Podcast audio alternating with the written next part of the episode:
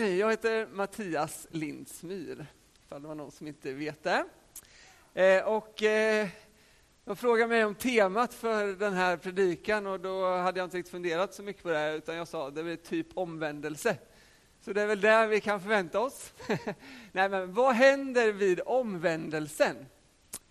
Eh, och eh, vi ska läsa ifrån Apostlagärningarna, kapitel 9.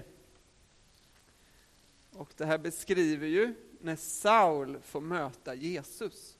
Vi ska läsa ett eh, rätt stort avsnitt ifrån vers 1 och fram till vers 25. Så ni kan följa med på väggen. Saul på vägen till Damaskus. Saul, som ännu rasade av mordlust mot Herrens lärjungar, gick till översteprästen och bad att få med sig brev till synagogorna i Damaskus. Om han fann några som hörde till vägen, alltså några kristna, män eller kvinnor, skulle han få fängsla dem och föra dem till Jerusalem. Men när han på sin resa närmade sig Damaskus omgavs han plötsligt av ett bländande ljussken från himlen. Han föll till marken och hörde en röst som sade till honom Saul, Saul, varför förföljer du mig? Han frågade, vem är du, Herre?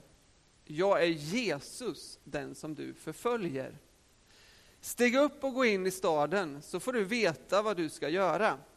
Hans reskamrater stod förstummade, de hörde rösten men såg ingen. Saul reste sig upp, men fast hans ögon var öppna kunde han inte se. De tog honom då vid handen och ledde honom in i Damaskus. Under tre dagar var han blind och han varken åt eller drack. I Damaskus fanns en lärjunge som hette Ananias. Till honom sa Herren i en syn, Ananias. Han svarade, ja, Herre. Herren sa, gå genast till Raka gatan och fråga i Judas hus efter en man som heter Saul och är från Tarsos. Han ber. Och i en syn har han sett en man som heter Ananias komma in och lägga sina händer på honom för att han ska se igen. Herre, svarade Ananias, jag har hört från många håll om den mannen och allt ont han har gjort mot dina heliga i Jerusalem. Och nu är han här med fullmakt från översteprästerna att gripa alla som åkallar ditt namn. Men Herren sa till honom, gå, honom har jag utvalt till mitt redskap. Han ska föra ut mitt namn till hedningarna och kungar och Israels folk. Och jag ska låta honom veta hur mycket han måste lida för mitt namns skull. Ananias gav sig iväg och gick till Judas hus. Han la sina händer på Saul och sa, Saul, min broder.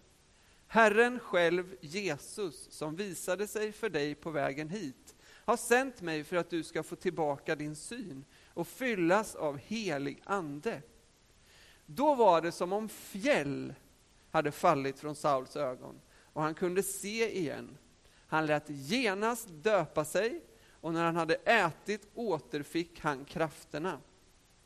Han stannade några dagar hos lärjungarna i Damaskus och började genast förkunna i synagogorna att Jesus är Guds son. Alla som hörde honom häpnade och sa, var det inte han som i Jerusalem ville förgöra alla som åkallar Jesu namn? Har han inte kommit hit för att gripa dem och ställa dem inför översteprästerna?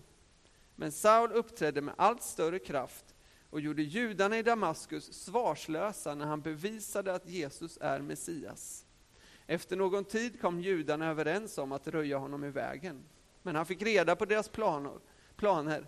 De lurade på honom vid stadsportarna dag och natt för att döda honom.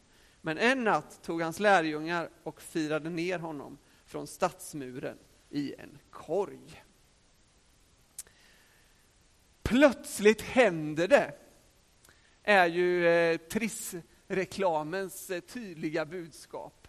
Plötsligt händer det. Och det får man väl ändå säga är rätt sant om eh, den här händelsen. Plötsligt händer någonting väldigt oväntat för Saul. När jag blev frälst eller kristen så hände också någonting oväntat. Plötsligt hände det. Jag var i tonåren, övre tonåren, och befann mig i en eh, kyrka i Stockholm som heter Arken. Jag hade blivit medbjuden dit och eh, levde vid det här tillfället ett eh, rätt eh, rufsigt och tufsigt tonårsliv med diverse dumheter eh, som jag hade på mitt konto. Hade ingenting egentligen eh, någon, någon, plan med varför jag var där. Jag var bara där, jag var medbjuden. Eh, och vid det här tillfället så eh, är det en sydafrikansk predikant, vilket, ja det tycker vi ska till Sydafrika, men i alla fall en sydafrikansk predikant, som får en massa kunskapens ord där på den här samlingen. Och vi var ju flera hundra personer i den här samlingen. Och eh, så börjar han peka ut folk sådär. Eh, och så pekar han på mig. Och han säger egentligen ingenting mer än att jag vill be för dig efteråt. Eh, eller när det blir förbön. Han var rätt märklig faktiskt, för han predikade inte på tal, han talade inte, han sjöng. Jättekonstigt. Ja, hur som helst, jag kommer, inte, jag kommer inte ihåg någonting om det här egentligen, vad han sa, förutom den här upplevelsen. Och jag, jag kände ju att eh, det är lite svårt att sitta kvar. Eh, liksom, han har ju pekat ut mig. Så jag gick fram tillsammans med alla de här andra personerna. Och så när han kommer fram till mig så säger han, sträck ut dina armar. Och så gjorde jag det. Och sen vet jag inte vad som hände. Men jag slogs till marken av Guds kraft på ett sätt som jag var helt oförberedd på.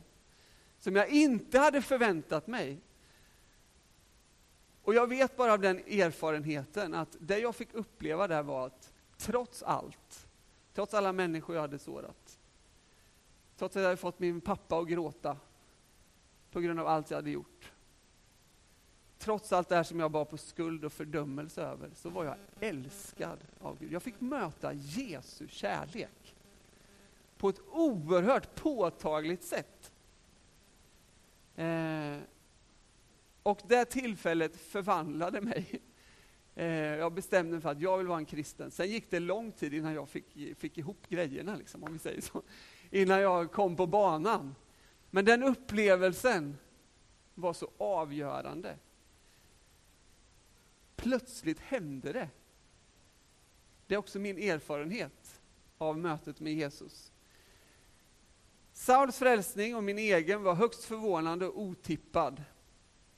Men det fick oanade konsekvenser för han, det fick oanade konsekvenser för mig. Men det fick också positiv, positiva konsekvenser i form av ett förvandlat liv. Sauls liv blev förvandlat och han fick betyda någonting oerhört i Guds rike.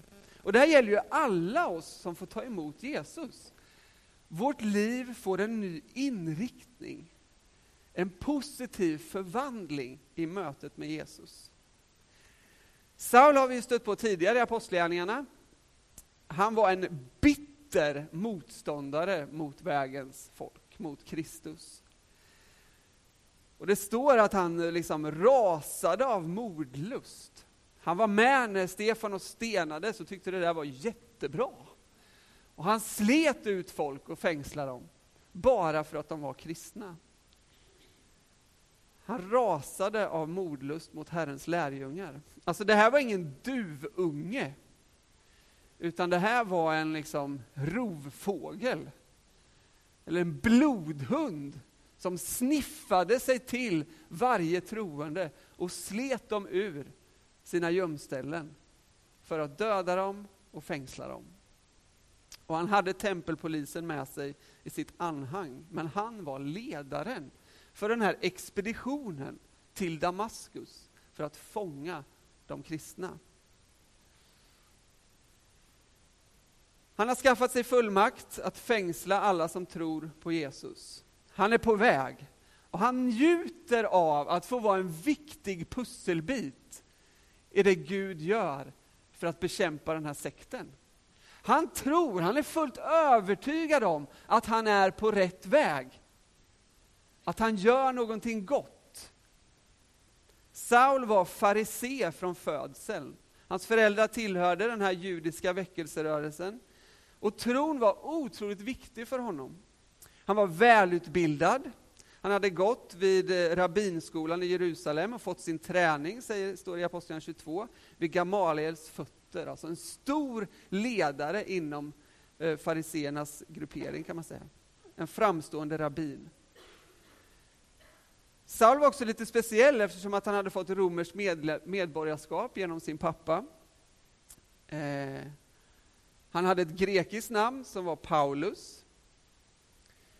Vilket också blir hans namn så småningom sen, när han börjar tjäna Jesus.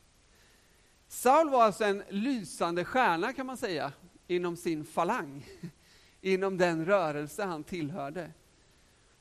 Och genom sin otroliga hängivenhet så var han på en tydlig kollisionskurs med vägen, med de kristna och församlingen. Att de förkunnade att den korsfäste Jesus, den döde Jesus, skulle vara den efterlängtade Messias såg han inte som någonting annat än en villolära och som någonting direkt ifrån den onde. Läran skulle hållas obefläckad. Han såg det här som ett seriöst hot emot Gud, emot Israel och mot den rätta och rena tron. Och det fanns ingenting som skulle få honom att ändra övertygelse genom argumentation. Jesus var död och begraven, punkt slut. Allt annat skulle straffas.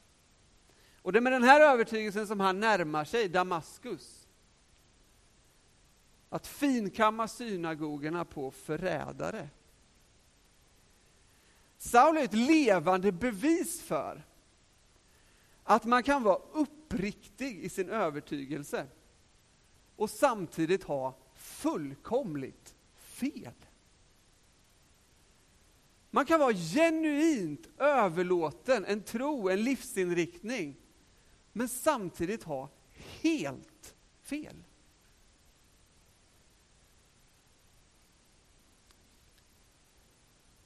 Lukas har redan berättat om många av prästerna som har kommit till tro på Jesus. Och nu får vi se en tvärnit i Sauls liv. Och han kommer, den här ärkefienden till kyrkan, kommer att byta sida och börja tro på Jesus, börja förkunna Jesus och bli en av den kristna kyrkans allra främsta gestalter. Lukas tar med den här berättelsen inte mindre än tre gånger i Apostlagärningarna, i kapitel 9, i kapitel 22 och i kapitel 26. Det här är en viktig händelse att Saul kommer till tro på Jesus. Och det är en viktig händelse för dig och för mig. Och det var ett verkligt mirakel att Jesus förvandlade hans liv. Idag skulle vi säga att det här är ett sånt här vittnesbörd vi skulle betala rätt goda pengar för att få resa omkring med i Sverige. Liksom. Tänk er att ha den här personen och så få åka runt på, på skolor, i Folkets hus och ni vet, överallt och på väckelsemöten och boosta upp den här berättelsen. Och se liksom, kolla vad Jesus kan! Kolla vad Jesus kan, han kan verkligen göra det oväntade. En rejäl, liksom, ordentlig frälsningsupplevelse. Dunder och brak, spännande och mirakulöst. Och visst händer det här ibland. Men ska vi vara ärliga så är ju det här liksom lite exceptionellt. De allra, allra flesta av oss växer in i en tro på Jesus. Formas till en överlåtelse till Kristus. Det är som en process, kanske på månader och år, där det här mötet med Jesus till slut resulterar i en omvändelse, en bekännelse, ett avgörande där man vill döpa sig och följa Jesus.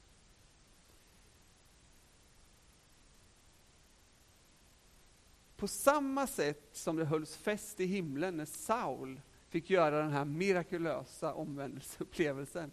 Det är samma fest i himlen när ett barn som har växt upp i kyrkan, gått i söndagsskola, gjort hela den här resan år efter år, fram och tillbaka, till slut bestämmer sig, jag vill döpa mig. Det är samma fest i himlen. Jag tycker det är viktigt att säga det, för att ibland så tror vi att det bara är de här woo, mäktiga omvändelserna som är någonting, som är på riktigt. Det är samma fest i himlen och det är samma process ändå, som omvändelsen har i våra liv när vi tar emot Jesus som vår Herre. Men nu har jag ändå valt den här omvändelsen, Sauls.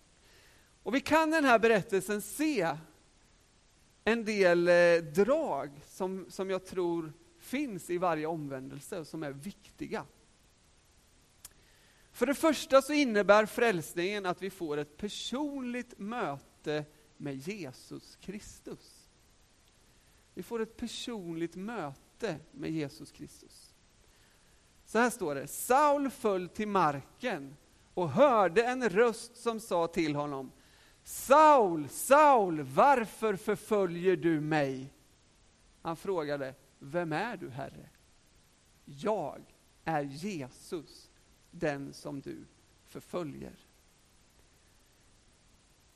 Personligt möte med Jesus, där sanningen blir uppenbar.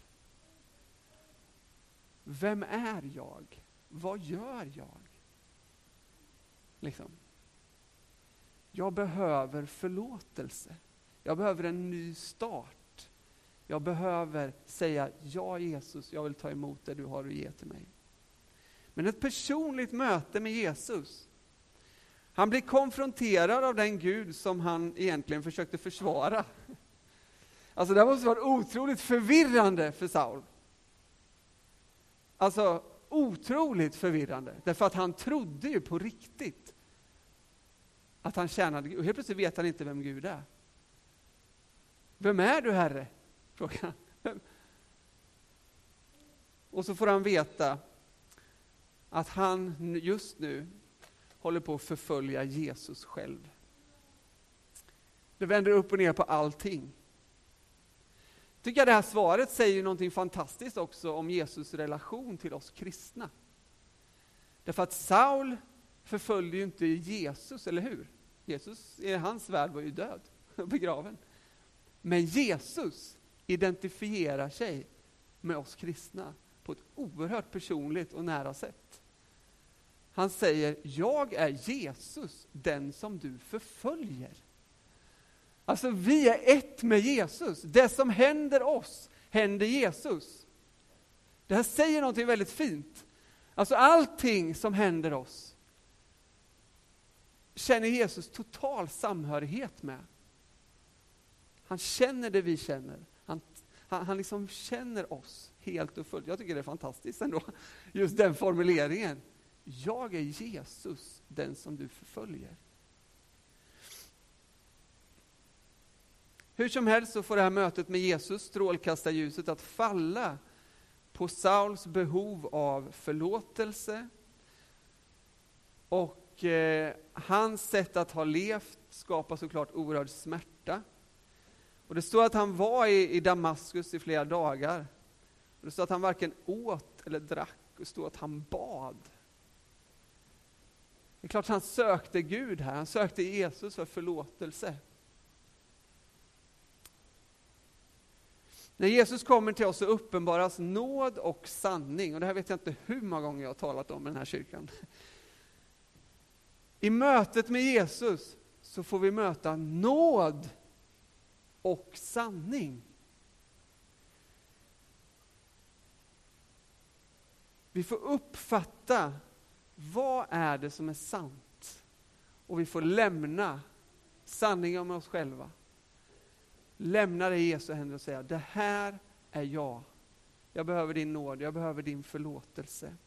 Och så fort vi gör det så får vi ta emot nåden som en gåva. Vi kan ha trott att vi har varit helt rätt ute. Men när den helige Ande möter oss så visar det sig att vi har varit helt vilse liksom i pannkakan. Helt fel ute. Den helige Ande överbevisar oss om synd, rättfärdighet och dom. Han visar oss på sanningen. Men han visar också, också på vägen till nya möjligheter. Anklagaren, han får oss att tvivla på Guds godhet och kärlek. Den heliga Ande får oss att, får oss att tro på Faderns kärlek. Får oss att tro att vi är Guds barn. Han överbevisar oss om den sanningen. Jag ska säga att det, det här talar jag faktiskt lite om på alfan här, när jag pratar om det onda. Att det är stor skillnad på överbevisning och fördömelse. Det är jättestor skillnad på det den heliga Ande gör i förhållande till synden och det anklagaren gör i förhållande till synden. Den helige Ande överbevisar oss. Alltså han visar vad som är sant. Så att vi kan veta exakt vad är det som vi har då gjort fel? Eller vad är det för väg som har varit vår egen, som vi har vandrat på? Och så visar han oss hur vi kan gå ut i frihet. Det är det den helige Ande gör. Det är därför Paulus säger, så finns nu ingen fördömelse för dem som är i Kristus Jesus. Det finns ingen rädsla hos Guds barn för Gud. Fördömelse som anklagaren ger, det handlar om att vi känner helt enkelt bara, jag är en dålig människa. Det är inte konstruktivt på något sätt överhuvudtaget. Det handlar om att paralysera. Det handlar om att så in tankar som bryter ner, som binder, som vill få oss att ta steg bort ifrån Gud. Det är fördömelsen. Du är inte värd någonting. Du, med alla dina fel och brister, kan inte komma frimodigt inför Gud. Vi får inte förväxla vad det är vi hör. Anden talar frihet. Anklagaren talar död.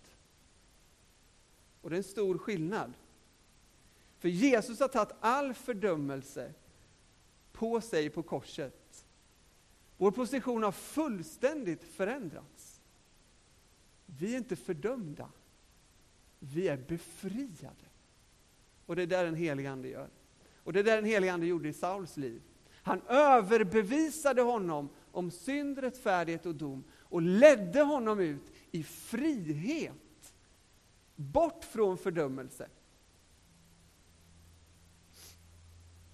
Och Det är därför Paulus kan säga så här senare i Kolosserbrevet. Han har frälst oss från mörkrets välde och fört oss in i sin älskade Sons rike. Där Herrens ande är, där är frihet. Det händer i omvändelsen. Det händer i det personliga mötet med Jesus. Allt annat, om det skulle visa sig att du just nu befinner dig i fördömelse, förväxla inte det, för det är ju det den onde vill. Den onde vill att du ska tro att det är Gud som fördömer dig. Att det är Gud som driver dig bort. Men det är en lögn ifrån avgrunden. Det stämmer inte. Sanningen är att han är på din sida. Han älskar dig, han vill befria dig. Och allt du behöver göra är att säga Jesus, jag behöver dig. Ja, det här är ju så bra alltså. Visst är det bra? Det var lika bra på Alfa förra veckan, förra, förra veckan. Fullständig frihet. Saul han mötte Jesus och han kapitulerade inför honom. Utan stolthet valde han att ta emot Jesus.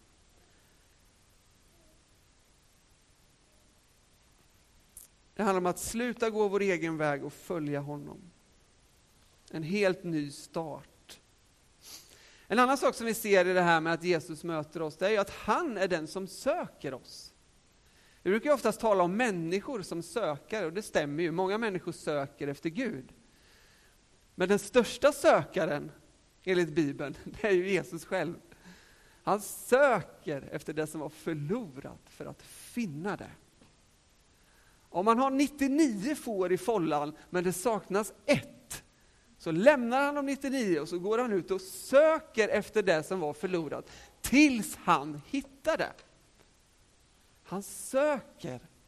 Han söker dig, han söker mig och han söker de människor som du har i din närhet och som du kanske ber för just nu att de ska få möta Jesus. Och vi vet alla, vi som är troende, att, att Jesus söker oss. Att han möter oss gång på gång med sin kärlek. Så det första är att omvändelsen och frälsningen handlar om ett personligt möte med Jesus. Och det andra handlar om att det också är en radikal personlig förändring som tar form. Saul hade ju sitt liv väl genomtänkt. Han hade sitt, sin väg tydligt utstakad, både vad gällde tro och kallelse. Och nu fick han helt plötsligt börja gå åt ett helt annat håll. Alltså han förvånar ju alla. Alla blir helt chockerade, vad är det som händer med den här människan? De blir ju så störda på det här så att de direkt vill döda honom. Han byter inriktning. Hans liv blir dramatiskt förändrat. Och Det här är en princip som är sann för alla. Den som är i Kristus är alltså en ny skapelse. Det gamla är förbi, något nytt har kommit. Och det är inte bara en teologisk sanning, liksom någonting invärtes bara, utan det handlar om en ny väg att gå. Ett nytt liv, ett nytt uppdrag. Och Paulus talar så här gång på gång i sina brev. Han talar om att gå från mörker till ljus, från död till liv, klä av sig det gamla, ta på sig det nya. Liksom. Han ser ju det här, vad Jesus har lett honom in i någonting annat. En djup bestående förändring av livet som också handlar om ens beteende och ens kallelse. Vi får en ny Herre som leder oss att vara delaktiga i det underbara som han gör på den här jorden. När han utbreder Guds rike. Och i det här med kallelsen, att, att liksom en radikal personlig förändring, en ny livsinriktning, så är det så viktigt att få leva i uppfyllelsen av den heliga Ande. Ananias är ju en skön eh, snubbe ändå, eh, som det så talas om här. Eh, som visar på hur viktigt, han var ingen speciell. Det enda som står om honom var att, ja vad står det? Det står att eh, i Damaskus fanns en lärjunge som hette Ananias. Alltså en helt vanlig, ordinär kristen lärjunge. Han verkar inte ha varit någon eh, riktig höjdare så på det sättet. Han var en lärjunge. En vanlig medlem i församlingen. Men han var lyhörd. Han var en av dem som tillhörde vägen. Och Kristus talar med honom om Saul. Och Det häftiga är att Ananias verkar inte särskilt förvånad över att Gud talar på det här sättet heller. Så antagligen så lever han ledd av den heliga Ande. Eh, på ett sätt som kanske för mig och oss känns lite sådär... Eh, ja, häftigt. Ananias, han får då höra att han ska gå till den här raka gatan och till det här huset där, Judas hus, och träffa Saul. Liksom. Du ska söka upp en som heter Saul här från Tarsos. Och här börjar ju Ananias nog känna sig lite osäker på vad, vad är det här?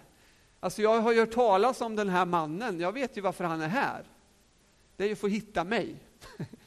Ska jag gå till honom?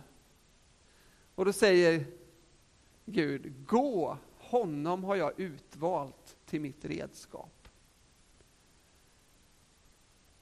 Och kallelsen att gå möter ju varje lärjunge. Gå därför ut, gör alla folk till lärjungar. Den som vill vara min lärjunge måste gå i mina spår, till exempel, säger Jesus. Och alla som tar Jesus på allvar måste också vara beredda att, att ta till sig det här personliga tilltalet. Följ mig. Följ mig.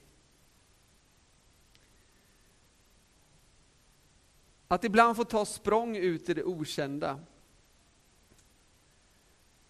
Ananias hade inga garantier för att han inte skulle bli fängslad och stenad, men ändå går han. Den enda garantin vi har egentligen med att gå ut med budskapet om Jesus är ju att jag är med er alla dagar till tidens slut. Det är det enda. Det är Guds garanti. Liksom. Jag är med er alla dagar, inte tidens slut. Sen finns det mycket saker som drabbar oss när vi går ut och står upp för Jesus. Och den här kallelsen att gå som Ananias fick, och han gick, den drabbar också Paulus efter hans omvändelse. Det står att han ska föra ut mitt namn till hedningar och kungar och Israels folk. Och Paulus blir ju den här ständiga resornas och uppbrottets lärjunge. Han drivs av kallelsen att nå nya människor med evangeliet om Jesus. Nya städer, nya områden. Och efter sitt dop så kunde han inte tiga med vad han hade upplevt, utan det står att han genast började att förkunna i synagogorna att Jesus är Guds son. Han berättade vad han hade upplevt. Så det är också en del av det här nya livet. Att faktiskt bli en del i det Gud gör i den här världen. Ananias hälsar Saul med orden, Saul min broder. Herren själv, Jesus som visade sig för dig på vägen hit, har sänt mig för att du ska få tillbaka din syn och fyllas av heligande. Och omedelbart var det som fjäll föll av Sauls ögon. Och han kunde se igen, han lät döpa sig, han delade gemenskap med lärjungarna och började sedan förkunna Guds rike i Andens kraft direkt. Nu hade han ju för sig en viss skolning. Men det var ju inte så att han behövde gå en bibelskola här i, i kristen anda i 15 år, nej men i massa veckor. Utan det verkar som att han direkt bara gick ut. Och det är en sån fantastisk eh, upplevelse som jag hade när vi var i Indien till exempel och mötte de kristna i, i den här rörelsen Assi där. Alltså de kom till tro och direkt så gick de ut och grundade församlingar. Alltså det fanns ju en 18-årig tjej som jag pratade med, hon hade grundat, inte var, två församlingar till exempel inte varit kristen i många år. Gamla tanter som hade grundat kanske 25 församlingar. Ingen teologisk utbildning. Men de berättade om Jesus och vad han hade gjort. Vi kan alla få vara vittnesbörd för Jesus. Det finns, och den, den här berättelsen berättar ju också att det finns inga hopplösa fall.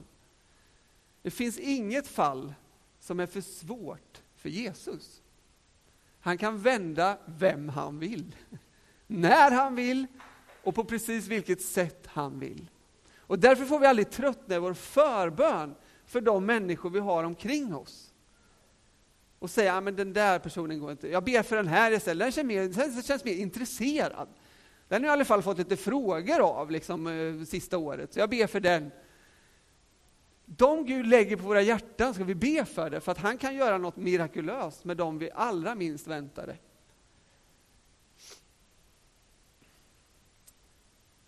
Ett personligt möte med Jesus och ett personligt möte med Jesus ger en helt ny livsinriktning.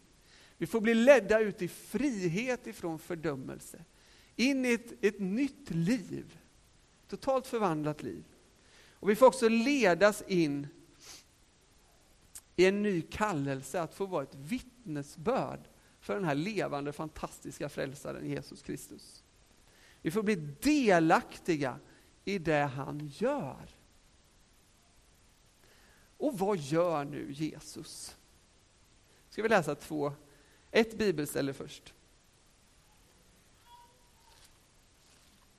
Lukas evangeliet 4. Jesus kom till Nasaret, där han hade växt upp. Ja, just det. Precis. Mm. Och han gick till synagogan, som han brukade. Han reste sig för att läsa, och man gav honom profeten Jesajas bok. När han öppnade den fann han det ställe där det stod skrivet Herrens ande är över mig, ty han har smort mig till att frambära ett glädjebud för de fattiga han har sänt mig att förkunna befrielse för de fångna och syn för den blinda och ge de förtryckta frihet och förkunna ett nådens år från Herren. Han rullade ihop boken och gav den tillbaka till tjänaren och satte sig. Alla i synagogan hade sina blickar riktade mot honom. Då började han tala till dem och sa, idag har detta skriftställe gått i uppfyllelse inför er som hör mig. Alla prisade honom och häpnade över de ljuvliga ord som utgick ur hans mun. Och de frågade, är det inte Josefs son? Det här är Jesu uppdrag, hans programförklaring. Glädjebud från fattiga, befrielse från fångna, ge de förtryckta frihet och förkunna ett nådens år ifrån Herren. Det var Jesu uppdrag. Och det uppdraget har han gett också vidare till dig och mig. Och I Markus 16 så står det så här, och 15. Gå ut överallt i världen och förkunna evangeliet för hela skapelsen. Den som tror och blir döpt ska räddas, men den som inte tror ska bli dömd. Dessa tecken ska följa dem som tror. I mitt namn ska de driva ut demoner, de ska tala nya tungomål, de ska ta ormar med sina händer och de ska inte bli skadade om de dricker dödligt gift. De ska lägga sina händer på de sjuka och göra dem friska. När Herren Jesus hade talat till dem blev han genast upptagen till himlen och satte sig på Guds högra sida. Men de gick ut och predikade överallt och Herren bistod dem och bekräftade ordet genom de tecken som åtföljde det. Och i Johannes står det att vi ska få utföra gärningar som honom, men ännu större.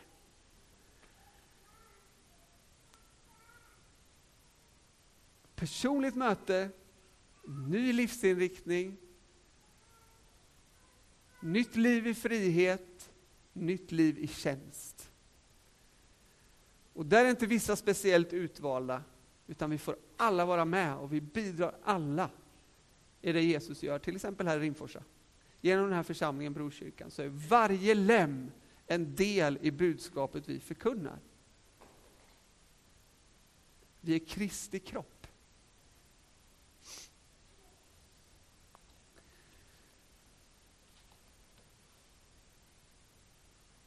Vi ber. Herre, vi tackar dig för att du har möjlighet att förändra människors liv. Jag tackar dig för att du sökte upp mig. Jag tackar för att jag fick ta emot dig vid det där tillfället. Jag tackar dig för att du har haft överseende med mig i den processen som handlar om förvandling. Jag tackar dig för att du fortfarande gör ditt verk i mitt liv. Tackar dig för nåden. Tack att när jag misslyckas så får jag alltid komma tillbaka. Att det alltid finns nya möjligheter hos dig. Herre, jag tackar dig för att det finns ingen här inne som inte är en del i det du tänker. Därför att du bultar på hjärtan just nu. Du säger, släpp in mig. Ta emot mig. Jag ska göra ditt liv helt nytt. Du ska få bli fri. Du ska få tjäna mig. Oavsett allt som är det förflutna. Du ska få tjäna mig. Tack helige Ande att du fyller oss, att du utrustar oss. Att du skickliggör oss för att kunna göra det uppdrag du kallar oss till. Tack för att du har lovat Gud att vara med oss alla dagar in till tidens slut. Herre, jag ber att vi inte ska säga nej när du kallar oss. Tack för Ananias och den förebild han är. Den här vanliga enkla lärjungen i Damaskus. Som när du uppmuntrade honom att gå till den här mannen, gjorde det. Och vad det fick betyda för hela den kristna församlingen från den dagen och framåt. Vi vet inte vem det är vi möter. Vi vet inte vem det är vi ber för eller vem det är vi berättar om Jesus för.